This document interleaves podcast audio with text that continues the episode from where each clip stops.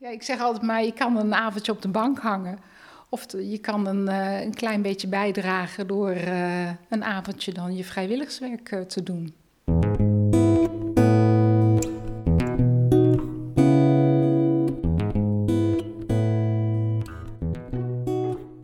Hoi, goed dat je luistert en welkom bij deze podcast, waarin ik in verschillende afleveringen in gesprek ga met vrijwilligers die werkzaam zijn bij Sirenlo. Ik spreek hen over hun motief om dit werk te doen en ben benieuwd naar hun verhaal en ervaringen. Mijn naam is Judith Lubbers. In deze aflevering ontmoet ik Danielle van der Pal en haar moeder Yvonne. Met z'n tweetjes zijn ze vrijwilliger bij een wandelclub. En dat doen ze hoorbaar met plezier. Om bij het begin van dit verhaal te beginnen, vraag ik aan Danielle hoe het allemaal zo is gekomen.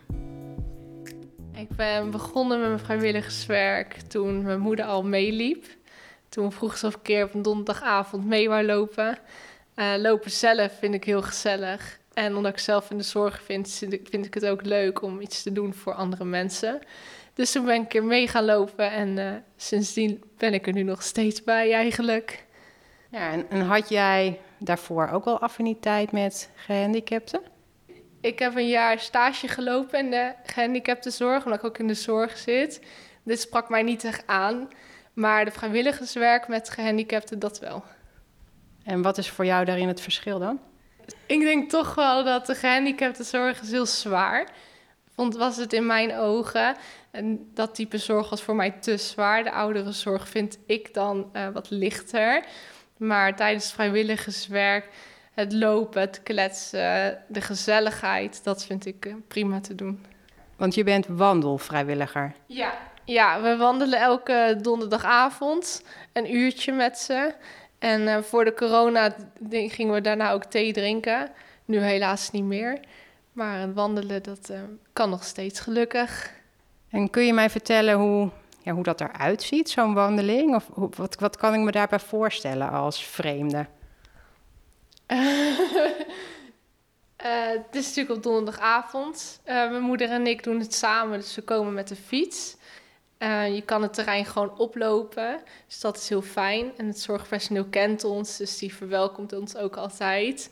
De bewoners die staan altijd klaar, want die weten donderdagavond is het wandelavond. Dus die staan al klaar en dan doen we, als het donker is buiten, de hesjes aan. En dan gaan we wandelen. En dan tijdens wandelen herinneren ze ons altijd van om acht uur moeten we thuis zijn. Want dan begint goede tijden, slechte tijden. En dan lopen we ons rondje en dan uh, zijn ze om acht uur thuis. En dan bedanken ze ons en gaan ze snel douchen en achter de tv zitten. En jullie kijken toch geen goede tijden meer? Nee, wij zelf volgen dat niet, maar hun wel allemaal. Maar ze houden je wel op de hoogte van wat er gebeurt in de serie dan? Ja, over alles. Over de serie, over of ze verliefd zijn, of wat ze hebben gedaan in het weekend. Over alles praten we tijdens wandelen. En, en wat zijn het voor mensen? Uh, het is een jonge groep met jonge mensen, ongeveer van mijn leeftijd, rond de 23 zijn ze wel. Uh, verstandelijk beperkt. Ze kunnen nog wel lopen. Sommigen zitten in een rolstoel, maar bij die groep zijn het er volgens mij maar één of twee. En voor de rest kunnen ze lopen, ze kunnen nog gezellig meekletsen met ons. Ze hebben gewoon, ja, ook hetzelfde humor, hetzelfde interesses als ons. Ze vragen ook naar onze interesses, dus je kan er gewoon wel een goed gesprek mee hebben. En je zei het al, dat gaat dan echt over op wie je verliefd bent en wat je meemaakt. Vertel eens. Ja, over van alles. Er loopt een stelletje tussen. Dus dat is wel heel leuk om hun verhalen te horen en over hoe hun de toekomst zien. En dan vragen ze aan mij van, goh, heb jij een vriend? En hoe gaat dat? En wat heb je gegeten? En het weekend gaan ze dan soms naar hun ouders, naar huis toe. En dan vragen ze van, goh, ga jij iets doen in het weekend? Of als ze weten dat je ziek bent geweest, dan vragen ze van, goh, gaat het weer met je? Of als je weet dat je bijvoorbeeld bijna jarig bent, word je gefeliciteerd. Dus dat is heel leuk. Ze zijn altijd gezellig, soms mopperen ze op elkaar. Maar ja, we lopen eigenlijk met een groep tieners. Dus dat hoort erbij. Je hoort liefdesverhalen, je hoort gezellige verhalen. Soms lopen ze liedjes te zingen en dan gaan ze rennen uit blijheid. Dus eigenlijk is elke avond wel gewoon gezellig met ze. En jij krijgt uh, liefdesadviezen ook? Ja, ik krijg zeker ook liefdesadvies van ze. Of dan loopt er een jongen op straat en dan is het van... hey, is dat niet iets voor je? En dat roepen ze dan heel hard. dus daar schaam ik me soms al een beetje voor, maar dat is gewoon heel grappig. Dus ik leer ook zeker van ze. ja, dat is echt grappig.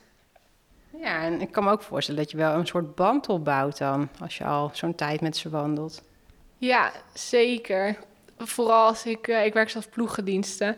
Dus als ik er dan niet ben, dan weten ze dat ik aan het werk ben. Of als ik er even een avondje denk van, nou, er zijn vanavond genoeg vrijwilligers, ik blijf liever even thuis, dan snappen ze dat. Dus dat is heel fijn. Hoe, hoe kijken je vrienden ernaar dat je zo jong bent en dit vrijwilligerswerk doet? Eerst vonden mijn vrienden het heel raar.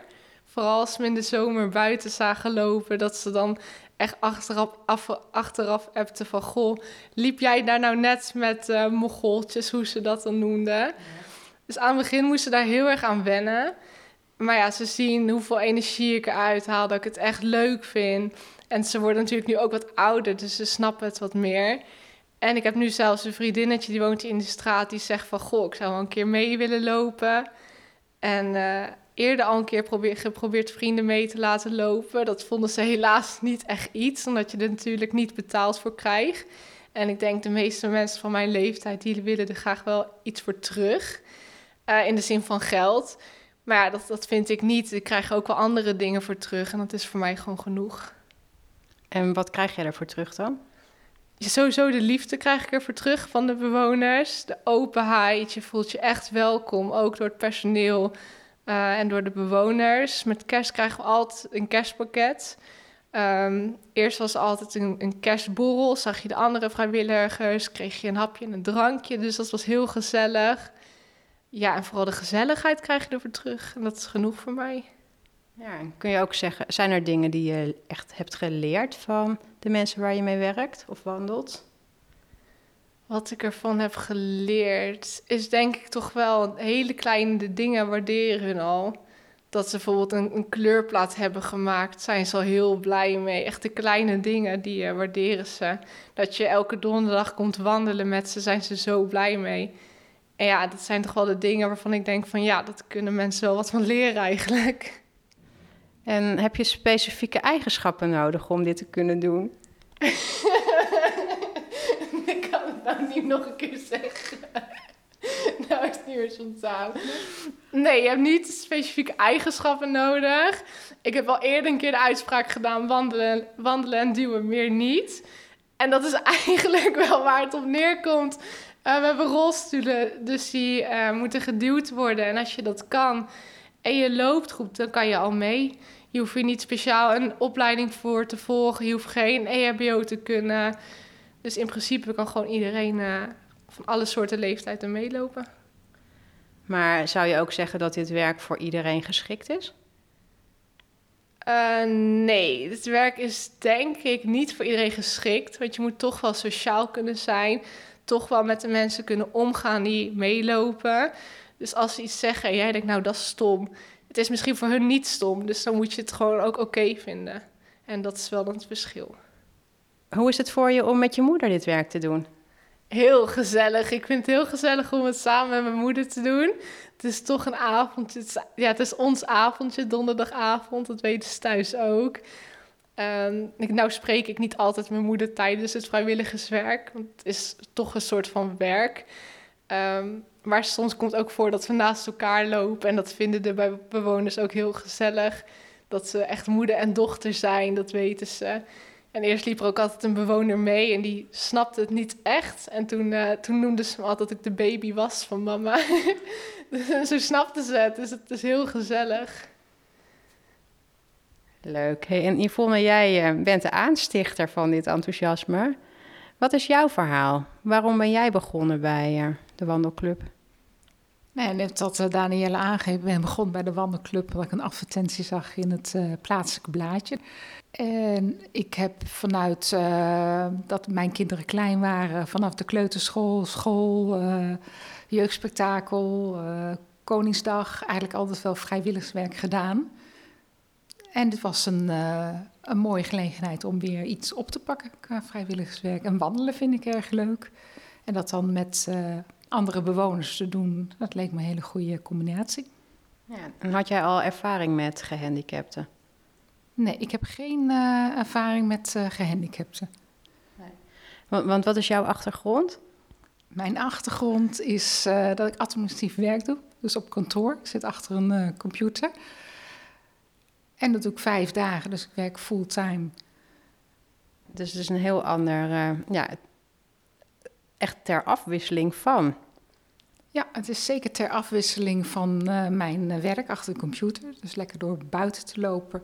Uh, krijg je energie van buiten zijn. En de mensen die waarderen het heel erg, zijn heel erg blij met de kleine dingetjes. Blij dat je ook komt. Dus ja, dat is gewoon heel gezellig. En hoe is jouw contact met de, met de mensen met wie je wandelt? Ja, heel leuk. Ik heb een heel leuk contact met de mensen die wandelen. Je weet wat ze doen, hoe ze werken of welke dagbesteding ze doen. Uh, ik informeer er ook altijd na, als ze een diploma hebben gehaald. Bijvoorbeeld tegenwoordig voor een mondkapje opdoen dan zijn ze heel trots. En dan zeg ik, joh, goed dat je een mondkapjesdiploma hebt, super. Ja, dat, dat is voor hun uh, ja, heel erg belangrijk dat ze dan een diploma hebben. Al is het maar een mondkapje uh, diploma, dat je hem goed draagt.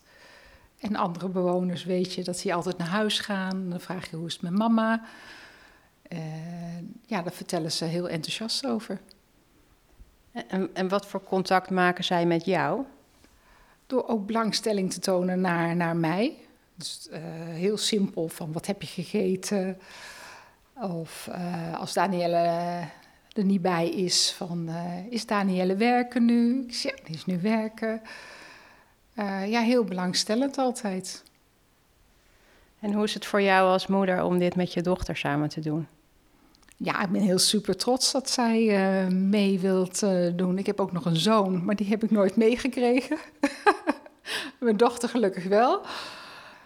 En ik vind zelf als moeder vind ik, uh, het vrijwilligerswerk heel belangrijk om dat ook over te dragen aan je kinderen, om een stukje te, bij te dragen. Ja, ik zeg altijd maar, je kan een avondje op de bank hangen. Of je kan een, een klein beetje bijdragen door een avondje dan je vrijwilligerswerk te doen. Nou, ik kan me voorstellen dat het ook voor leuke gesprekken hier thuis zorgt. Dat jullie nog wat na te praten hebben of je verheugen op wat gaat komen. Of dat het echt iets van jullie samen is. Ja, het is, uh, het is echt iets voor ons samen. En als we inderdaad iets meemaken, wordt het natuurlijk thuis ook verteld. Laatst hebben we een keertje helemaal nat geregend. Ja, dat vinden de bewoners niet leuk. Maar we kunnen daarna wel heel erg erom lachen en de bewoners ook. En ze praten nu bijvoorbeeld nog na. Weet je, we zijn heel nat geworden toen. Ik zei ja, maar ik vond het supergoed dat jullie meeliepen. Dus ja, dat, dat ook. Of als iemand moet plassen, dan weer bij de cafetaria aankloppen van... Uh, kunnen we hier eentje iemand plassen? Ja, ja, kom maar, weet je wel. En dan uh, ja, gaan we daar even plassen. Dan moeten we allemaal even buiten wachten. Dat degene klaar is met plassen en dan kunnen we weer door. Danielle moet heel hard lachen. Ja. ja, het is wel grappig. Want net als dat mijn moeder vertelt, die momenten die zie ik weer voor me. Dat we in de zomer daar buiten stonden. Dus dat is wel grappig, ja, om dat weer omhoog te halen. We hebben één iemand in de, één cliënt in de groep, die is een beetje ongeremd. Dus in de zomer, dan, uh, dan is het wel heel grappig. Uh, want die zegt alles. Dus als jij voorbij komt... In je minirokje en is... Zo, wat een lekkere benen! Of... Jee, die heeft een dikke kont. en dan is het... Ja, de meesten kunnen dat gelukkig dan wel hebben. Maar soms denk je van... Oeh, weet je wel... Hoe pakt iemand dat op, iemand anders? Maar gelukkig zien ze je wel natuurlijk in een groep lopen. Dus ze weten wel dat je een, een wandelclub bent met mensen met een beperking. Dus gelukkig kunnen de meesten daar altijd wel om lachen. En lachen jullie dan mee? Of heb je dan ook nog een beetje een opvoedkundige, pedagogische taak? Ja, dat we proberen het wel een beetje opvoedkundig te doen. Zo van, dat moet je niet heel hard zeggen. Je mag het wel zeggen, maar dan moet je heel zacht tegen mij zeggen. Maar niet meer zo heel hard. Maar ja, dat, die remming hebben ze gewoon niet. Dus daar kunnen ze ook niks aan doen. Dus de volgende keer als je iemand tegenkomt, zullen ze dat weer net zo hard doen. Ja. Wat zou je tegen een ander zeggen die overweegt om vrijwilligerswerk te gaan doen? Uh, ja, vrijwilligerswerk kan je denk ik altijd oppakken. Al is het niet uh, wandelen, dan kan je... Ja, er zijn zoveel mogelijkheden om vrijwilligerswerk te doen. Je kan voorlezen, je kan uh, meehelpen iemand eten geven. En ik denk, ondanks... Ik heb ook een fulltime baan. Ondanks dat lukt het mij ook. Dus als je echt zou willen, lukt het iemand anders ook wel. En wat levert het jou op? Het levert mij op heel veel energie. Uh, iets buiten mijn werk. Uh, dat je je hoofd helemaal leeg kan maken. Uh, bezig zijn met andere mensen, andere mensen gelukkig maken. de zorg een stukje te helpen. Door ja, even de mensen mee te nemen, waardoor ze weer wat tijd hebben voor andere dingen op te pakken.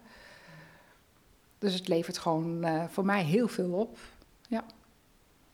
Ik zou zeggen, Kom vrijwilligerswerk doen. Is hartstikke leuk. Krijgt er hartstikke veel energie van.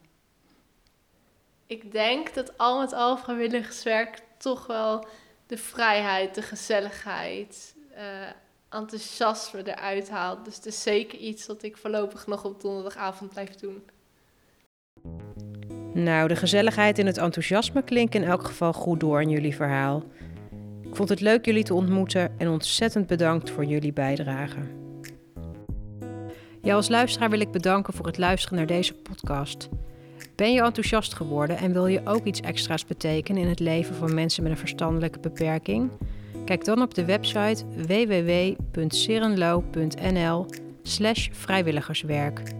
Je vindt hier meer informatie, filmpjes en verhalen van andere vrijwilligers. Je kunt natuurlijk ook direct een afspraak maken met een van onze vrijwilligerscoördinatoren. In de volgende aflevering spreek ik met Marie van der Velde, die al 19 jaar vrijwilligerswerk doet voor Serenlo. Marie vertelt onder andere over het soms bijzondere contact dat ze opbouwt met haar cliënten en hoe haar dit niet onberoerd laat. Ik hoop dat je dan weer luistert. Wil je zeker weten dat je geen aflevering mist? Abonneer je dan op onze podcast. Tot de volgende keer.